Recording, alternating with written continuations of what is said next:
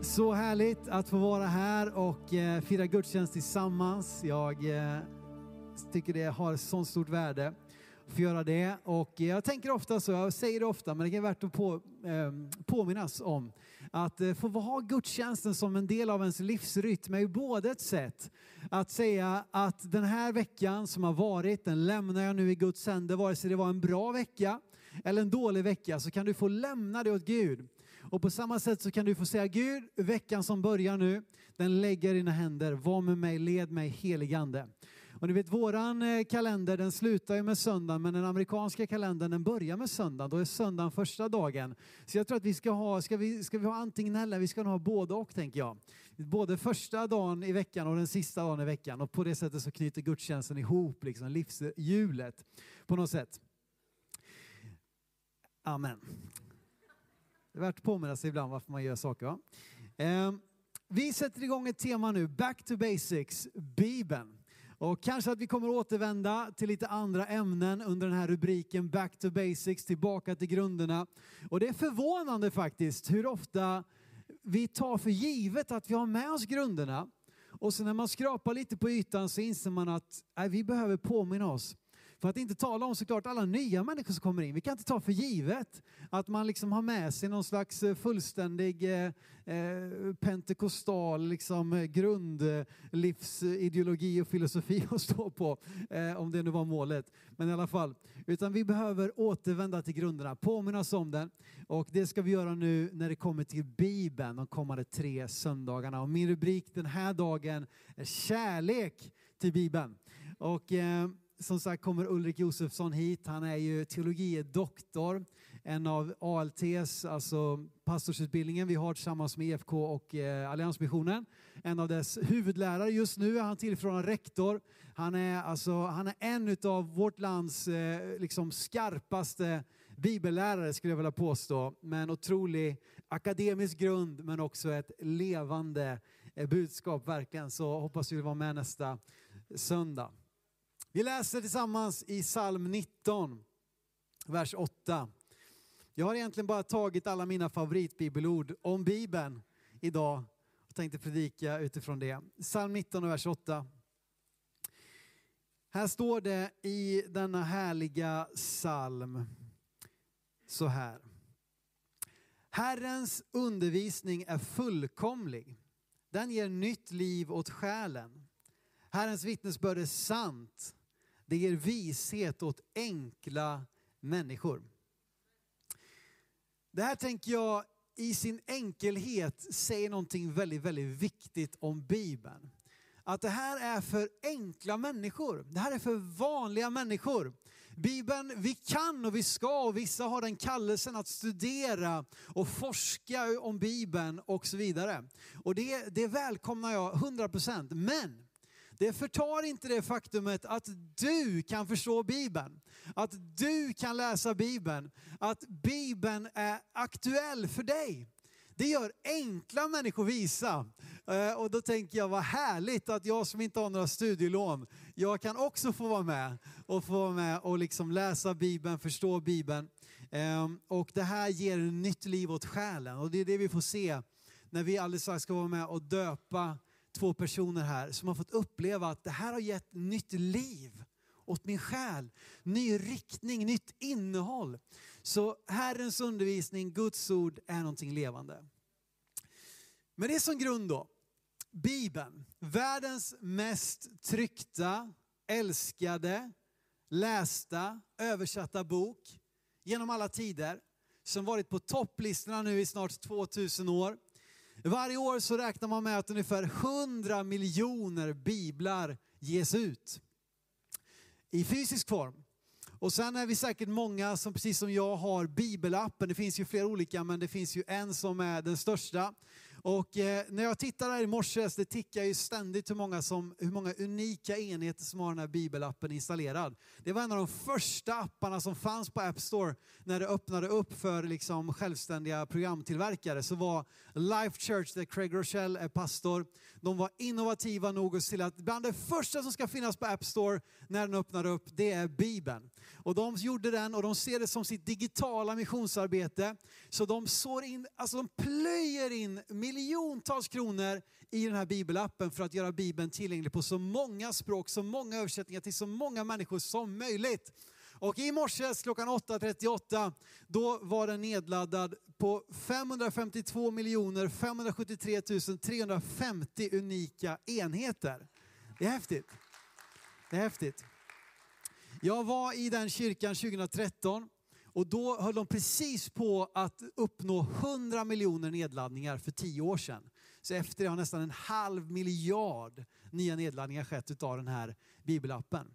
Och jag bara tänker på det, tänk vad svårt det kan vara i vissa delar av världen att få in bibeln på deras, på, på, i, i stängda länder helt enkelt. Men att genom en, en digital app så kan vi ju nå så mycket längre och i den här bibelappen finns det ju tusentals översättningar. Bland annat Njungwe-språket som våra missionärer Jenny och Mikael Bister har varit med och översatt till ett, ett, en folkgrupp i Mosambik så att de har bibeln på sitt språk och den finns också i bibelappen. Eh, så det är någonting fantastiskt. Och den här skriften är ju kristnas enda heliga skrift. Det, är våran, eh, liksom, det, finns, det, finns, det finns ju hur mycket böcker som helst som är bra, som är skrivna om den här boken, som är skrivna om Jesus. Eh, men det här är det enda som för oss är helig skrift.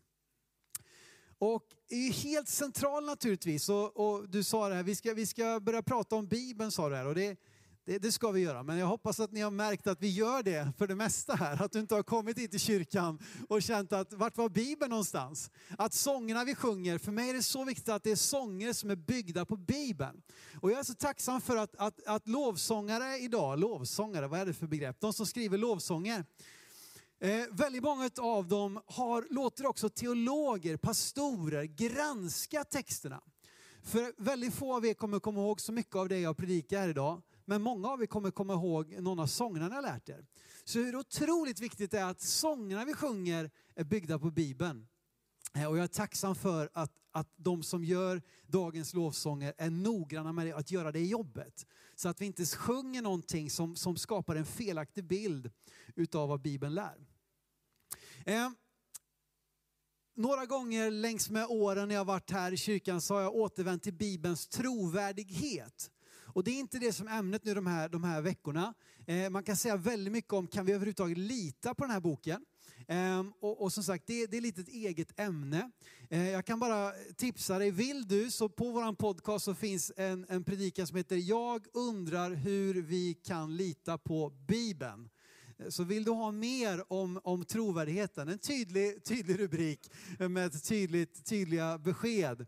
Och jag nöjer mig idag med att säga, med frimodighet säga, det finns ingen annan antik text som är så väl underbyggd, som har så pålitliga källor, för att inte tala om mängden källor, som Bibeln. Alltså det, det, är en, det är en klass för sig. Det finns ingen annan antik text som ens kommer i närheten av att ha samma grundmaterial, samma källmaterial som Bibeln. Och du får gärna pröva mig på detta, men jag säger det bara så, jag, liksom, jag släpper det ämnet där, men bara säger det med frimodighet. Men, så det är viktigt för det första, kan vi lita på Bibeln som historisk text? Det är väldigt viktigt och det som sagt kan man studera, men inte idag. Eh, jag nöjer mig bara med att säga det. Men sen är det så att även om vi är trygga med Bibelns tillkomst och liksom tror på så att säga att det, det, det, det var liksom, att det är en trovärdig text, så kan ju våran syn på, liksom, eller frågan blir ju hur vi ser då på innehållet. Okej, okay, om vi litar på att det, det är liksom en historisk text, pålitlig text, men hur ser vi på innehållet? Och det är det här som vi ibland liksom skarvar lite på. Inte minst i våra frikyrkliga sammanhang där vi är lite vana vid och liksom, men det, det är väl, vi, vi, vi, liksom, vi låter anden leda lite grann och liksom vi, vi är lite flexibla och vi är pragmatiska och vi är, vi är ledda av anden och liksom han lyser nytt ljus på skriften varje dag. Eh, och det är underbart va, men ibland blir vi också lite slappa då i våran bibelsyn. För det är det man kan använda det ordet för att beskriva hur vi då ser på Bibelns så att säga, tillkomst, auktoritet och innehåll. Det kan man kalla för bibelsyn. Um, och du vet, vi kan ju älska som kristna att kasta oss in i olika eh, sakfrågor, i olika spetsiga ämnen som är mer eller mindre aktuella i samtiden vi lever i. Eh, jag behöver inte nämna några av dem nu, men ni kommer säkert att tänka på ett och annat ämne som rör sig i kristenheten, som debatteras i de kristna tidningarna, som hoppas på ifrån från eh, de som inte, så att säga, från, från ej kristen media, där man försöker få oss att ändra oss. Det finns många sådana frågor. Ehm, och de, de har sin plats och vi ska inte ducka för, men vi ska inte heller liksom tvinga oss in i att svara på alla frågor människor ställer. Läs, läs om Jesus och så läser du hur ofta han svarar med en fråga tillbaka. Eh, ja men okej, okay, jag ska svara på den frågan men först vill jag att du svarar på en fråga. För han såg nämligen motivet bakom frågan och om det bara är att ifrågasätta, kritisera, sätta dit dig, då kanske det är bättre att inte svara alls. Men det är en annan predikan också. Men innan vi ger oss in i de här, alla de olika sakfrågorna, hur vi ska se på, på vad det nu än är för någonting, så tycker jag att vi är många som skulle behöva börja med att göra jobbet att definiera vår bibelsyn. För hur vi ser på Bibeln och dess, dess undervisning, dess text, det kommer ju avgöra hur jag sen applicerar det och hur jag tar mig an enskilda frågor. Ehm, och här då så finns det många olika, olika synsätt och det finns väl så många olika, jag, jag, är inte den bästa nu på att reda ut alla olika typer av bibelsyner, men om man bara gör en enkel uppdelning som är förenklad, och jag vet det, men vi hinner inte mer i en predikan än så, så kan man bara dra en skiljelinje med de som säger att, att liksom hela bibeln är Guds ord, och de som säger att hela bi, eller bibeln innehåller Guds ord. Där kan man dra en tydlig skiljelinje och sen kan man definiera det på massa olika sätt. Men antingen så säger man att det här är Guds ord, eller så säger man att det här innehåller Guds ord. Och det blir en ganska stor skillnad i, i hur vi hanterar detta. Ehm, och lite förenklat igen då så kan det beskrivas som en liberal bibelsyn eller en konservativ bibelsyn. Och det är inte så många som vill kalla sig liberalteologer. Även om jag läste faktiskt på morgonen här en, en, en text av biskop Åke Bonnier här i vårt stift som med glädje beskrev sig själv som liberalteolog. Och det kan ni gå in och läsa vad han säger och så. Och det är helt fint tycker jag att olika kyrkor tänker lite olika och jag har inga problem med att vi som kristna gör det. Men som så ofta känner jag ett ansvar för det Gud har satt mig att förvalta, det sammanhang som vi har fått blivit givna att leda, att vi är trygga med vår syn på Bibeln. Vi behöver inte bli nervösa över att inte alla håller med oss. Men att vi som kyrka är trygga med våran riktning och våran, liksom, våran ledarsida så att säga. Ni vet i en tidning så ryms det massa olika debatter och insändare och åsikter. Men så har man en ledarsida som beskriver tidningens hållning liksom ifrån deras ideologi. Och jag tycker det är viktigt att vi då som församlingsledning och som församling vet vad som är liksom vår ledarsida i de här frågorna. Sen så är vi öppna för och vill välkomna samtal. Vi vill inte döda samtalet. Vi vill inte döda människors frågor. Tvärtom, vi välkomnar frågor. Men vi tror också det är viktigt att vara trygga i vart vi står någonstans i de här frågorna. Liberal, om man nu bara ska använda lite andra ord för det, det beskriver ju, själva ordet kan beskrivas som frisinnad, öppen, tolerant och reformvänlig. Och all, allt det här låter ju väldigt bra. Och i någon mening så skulle säkert många kristna som, som tittar på oss idag, som levde för vad vet jag, 500 år sedan eller 1000 år de skulle kanske titta på oss och tycka att vi var väldigt liberala. Eh, Medan konservativ då kan beskrivas som försiktig. Jag gillar det uttrycket att vi har en försiktig bibelsyn. Alltså vi är försiktiga med att ändra på saker eller liksom förändra vår tolkning. Eh, eller det, du vet, det är ju nära också, det är samma ord som konservativ eller konservburk. Det är inte så många som gillar konserver kanske, men syftet med en konservburk är att man ska bevara innehållet. Att det inte ska ruttna, att det inte ska förvrängas, att det inte ska ändras, utan det ska hålla över tid. Och en del av er kanske nu under pandemin har varit de som har liksom tömt hyllorna på ICA och sett till att fyllt upp skåpen där hemma med konserver. Så att ni klarar er liksom när ryssen kommer eller vem det nu är som kommer komma hinna först. Vi vet inte. Eh, men det är syftet med konserv, konserver, att bevara. Någonting ska hålla över tid. Och en konservativ bibelsyn då låter ju väldigt omodernt. Det låter väldigt osvenskt på något sätt att vara konservativ i sin bibelsyn. Men jag skulle vilja påstå att vi har en konservativ pentekostal bibelsyn. Ehm, och vad betyder det då? Ja, ingen aning. Nej, jag skojar. Jag vet ungefär. Men de här kommande tre söndagarna ska vi tala nu om kärlek till Bibeln, eller bibelsyn. Nästa vecka kommer Ulrik att tala om trohet till Bibeln, eller bibeltolkning om du så vill.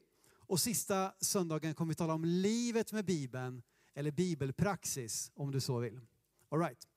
Kärlek till Bibeln då. Eh, vi bearbetade lite grundläggande trossatser i vår kyrka här för ungefär tio år sedan. Så hade vi i vår församlingsledning en process och försökte beskriva grundläggande. Och det här är vad vi sa om Bibeln och den står på vår hemsida, det står i vår ledarhandbok. Och nu har vi precis här hållit på att ta fram även en medlemshandbok. Då, så att vi fick välkomna nästan 50 nya medlemmar förra året. Eh, och då inser vi att det är viktigt att, att vi ger alla en chans att, att då liksom förstå vad vi står för och sådär. Men där säger vi så här i alla fall när det kommer till Bibeln. Vi får upp det på skärmen också. Vi säger att Bibeln är Guds inspirerade ord.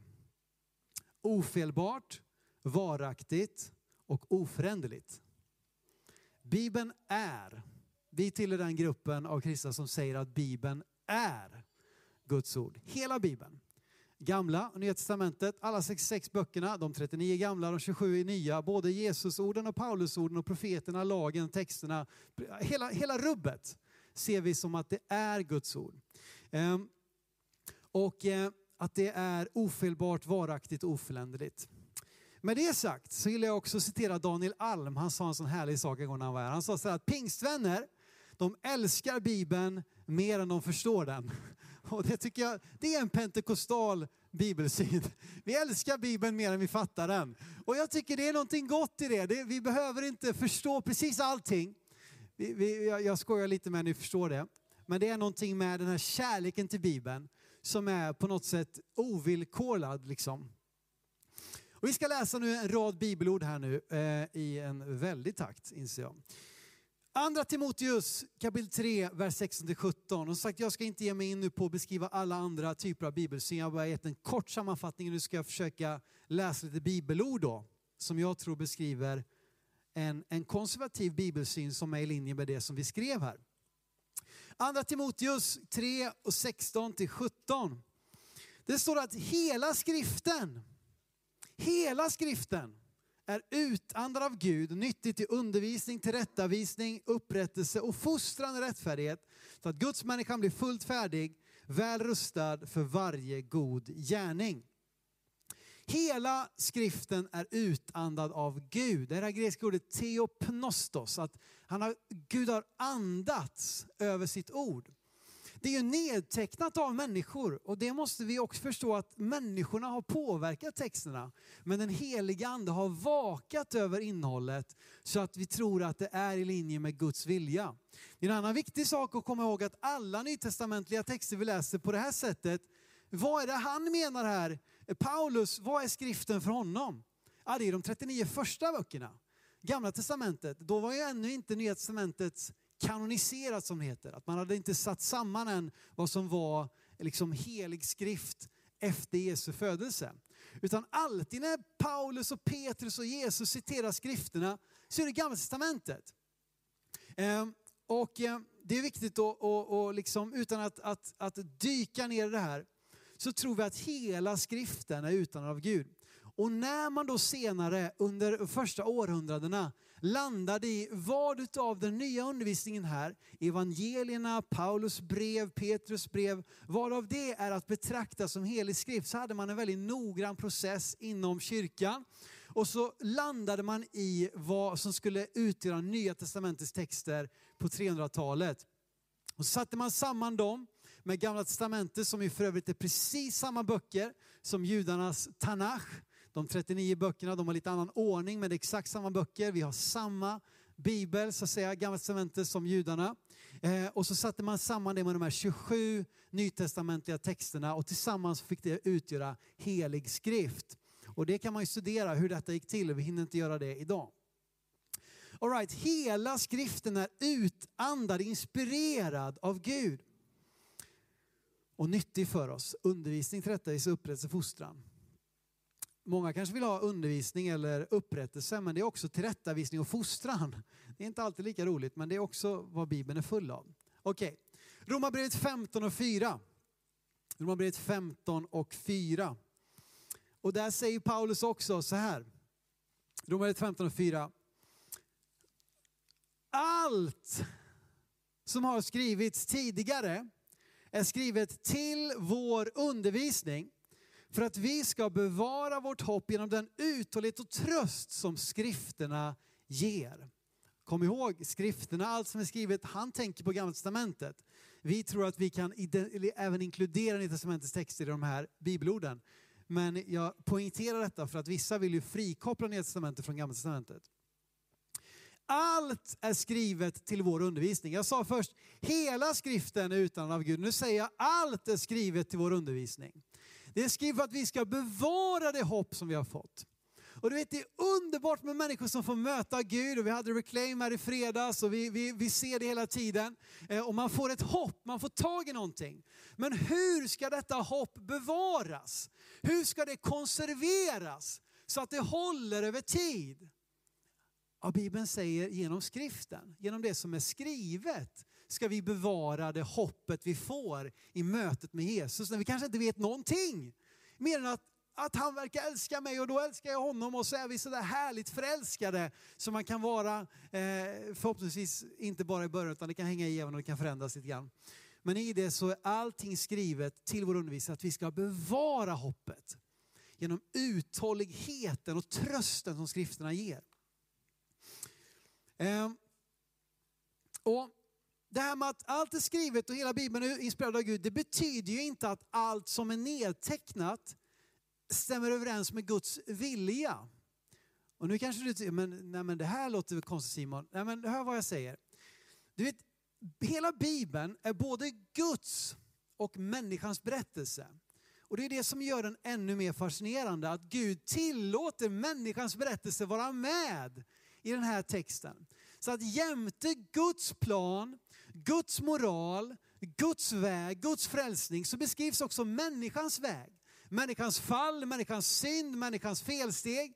Och det här får samsas sida vid sida. Och så kan vi få känna igen oss i människor som har brustit, som har felat, som har gått sin egen väg. Men så ser vi hur Gud gång på gång på gång sträcker ut sin hand för att upprätta och ge nåd. Men i allt detta så får vi hopp, uthållighet och tröst genom det som skrifterna har tecknat ner. Andra Petrus kapitel 1. Nu har jag sagt hela skriften, jag har sagt allt är skrivet och nu ska jag säga någonting mer så här lite definitivt. Andra Petrus kapitel 1 och nu tar vi in Petrus i detta då. Vi har väl läst två eh, Paulus bibelord.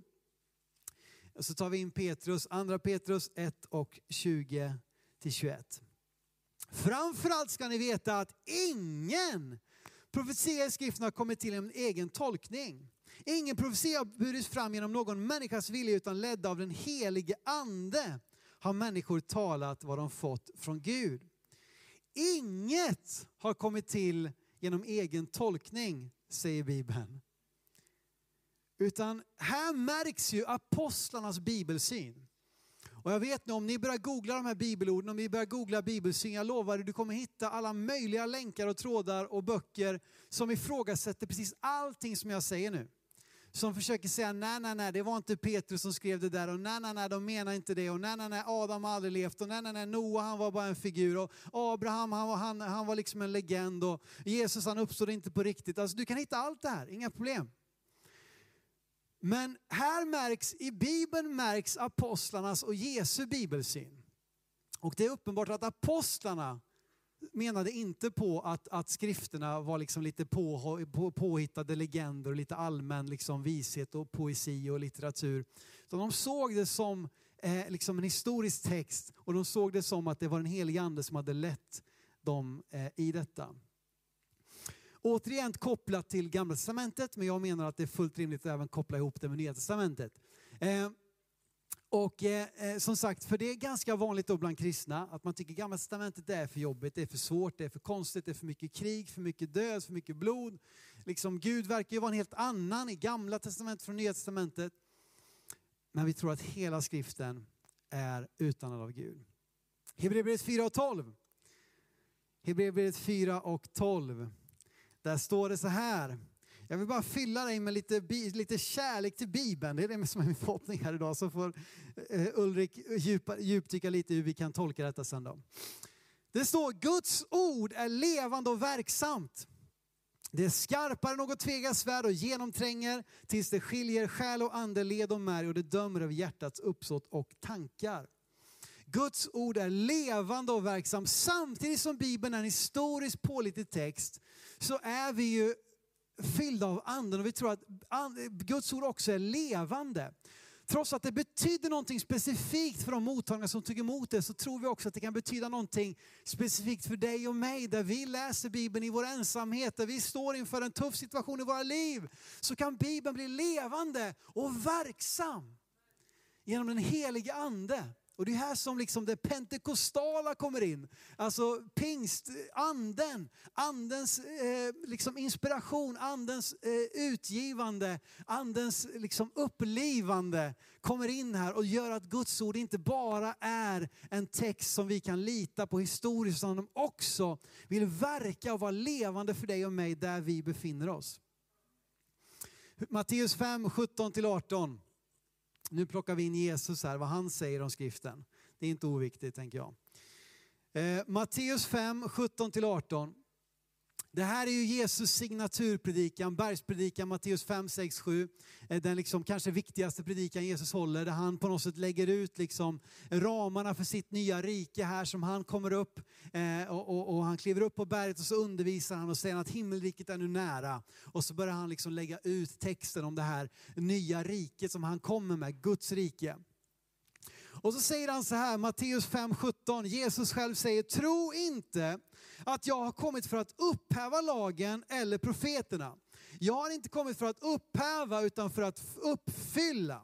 Jag säger det sanningen innan himmel och jord förgår ska inte en bokstav, inte en prick i lagen förgå, inte förrän allt har skett. Jesus kommer inte för att upphäva utan för att uppfylla. Han kommer inte för att säga allt det där det var liksom gammalt och dåligt och nu kommer det nya. Liksom. Men han kommer och säger, genom mig så uppfylls lagen och profeterna. Genom mig så, så blir Gamla Testamentets texter levande och aktuella och applicerbara. Jag lyssnade till en rabbin i, i Israel för några år sedan som, som undervisade just om det här bibelstället och sa att i rabbinsk judendom så att upphäva eller uppfylla, det är att uppfylla skriften, det är att göra den applicerbar det är att göra den praktiskt tillämpbar. Att undervisningen makes sense. Att det, jaha, det funkar. Det är det Jesus gör. Han kommer och gör så att hela texten, hela skriften, både gamla och testamentet blir praktiskt tillämpbart.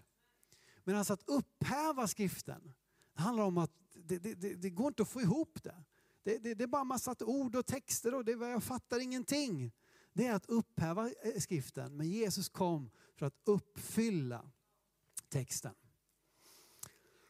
Och du vet, jag tänker på det för att som sagt, du kan hitta massa saker. Vissa, många kan säga det mycket bättre än mig. Alla, alla sätt man kan kritisera Bibeln. Och vi ska inte vara rädda för att utmana, liksom, eh, att, att gå till botten, att studera, att kritisera. Men jag tänker att det är också viktigt att bara återvända till Jesu bibelsyn, till apostlarnas bibelsyn.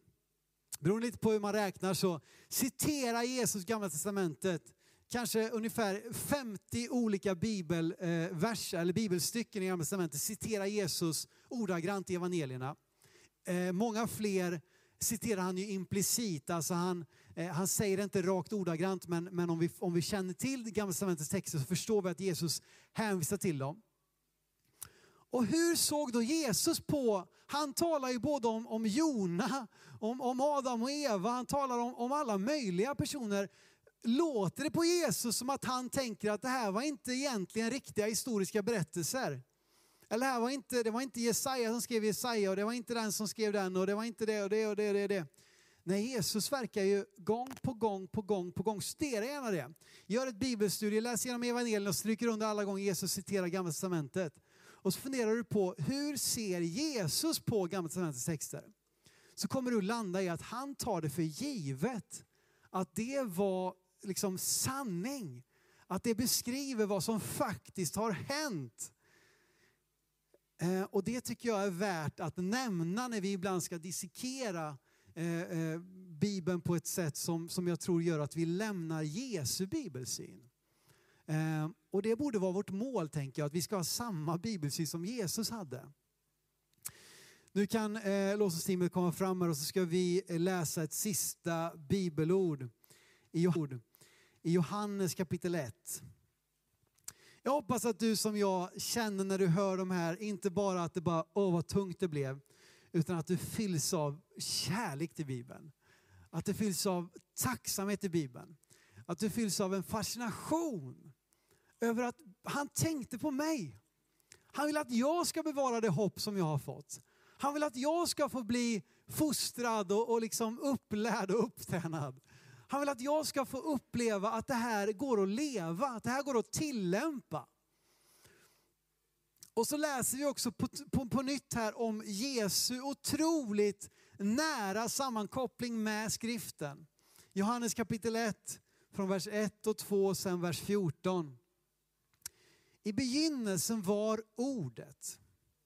Och ordet var hos Gud och ordet var Gud. Han var i begynnelsen hos Gud. Det här Johannesprologen kallas det, Johannes inledning här, det är ju bland det vackraste som har skrivits någonsin rent, rent litterärt. Han var ett litterärt geni Johannes. Men så hoppar vi ner då, vad är detta ordet? Vem är ordet?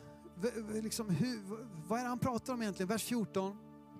Ordet blev kött, blev människa och bodde bland oss. Och vi såg hans härlighet, en härlighet som den enfödde har från Fadern. Och han var full av nåd och sanning. Min sista punkt är Jesus är ordet är Jesus. Jag får tugga på det ett tag. Jesus är ordet är Jesus. Ordet är Jesus, Jesus är ordet, Jesus är ordet, ordet är Jesus, Jesus är ordet är Jesus. Hängde ni med? Så samman... Ska jag ta det igen? Jesus är ordet är Jesus, Jesus är ordet, ordet är Jesus, Jesus är ordet, ordet är Jesus, Jesus är ordet är Jesus. Så kan ni gå hem och tugga på det lite grann och fundera hur i hela världen hänger det ihop? Men så nära, så nära kopplar Bibeln själv, apostlarna själva, Jesus till ordet. Det skrivna ordet som är given till oss människor för att vi skulle se hans härlighet. Och ordet stannade inte kvar på sin tron och dömde oss till ett liv i förbannelse och skild ifrån Gud där syndens konsekvens fick ge oss vårt rättmätiga straff. Utan ordet blir kött, ordet tar kropp, ordet blir människa. Han föds genom jungfru Maria. Han lever och växer upp som en son till en snickare. Och han liksom blir fylld av den helige Ande och han predikar och till sist så ger han sitt liv för dig och mig på ett kors och besegrar döden, besegrar synden, övervinner helvetets portar och ger varje människa i alla nationer, i varje språk, i varje hudfärg, ung som gammal, man som kvinna, asiat, amerikan, afrikan, europé, you name it. Han ger dem alla en chans att genom tron på Jesus få sina synder förlåtna och ett evigt liv. Det är den Jesus vi tror på. Ska vi stå upp tillsammans och lovsjunga Gud? Jesus, vi tackar dig för ditt ord. Jesus, vi tackar dig för dig. Vi tackar dig att du är ordet och ordet är Jesus. Och vi tackar dig för att ordet vill ta sin boning ibland oss. Och jag ber, låt ordet få plats i våra liv. Låt ordet få plats i våra hjärtan. Låt ordet få plats i våra kyrkor. Och låt ordet få forma oss, Herre. Vi ber att ditt ord skulle färglägga våra liv. Inte att vi skulle försöka bestämma och definiera, dra bort, stryka över. Utan att vi skulle ta till oss ordet på samma sätt som vi tar till oss Jesus Kristus, vår frälsare. Jesus, fyll oss med ännu större kärlek till ditt ord. Fyll oss med ännu större tro på ditt ord. Och låt oss inte tappa bort dig i alla våra försök att förstå, kritisera och, och vad det nu är för någonting. Men låt alla våra ansträngningar, låt det dra oss närmare dig Jesus. Och tack heligande att du andas liv på ordet. Att du gör Bibeln levande och verksam i våra liv. I Jesu namn. I Jesu namn, vi lovsjunger Gud tillsammans. Lyft din röst. Tacka Gud för hans ord. Tacka Jesus att han tog sin boning ibland oss. I Jesu namn. Amen.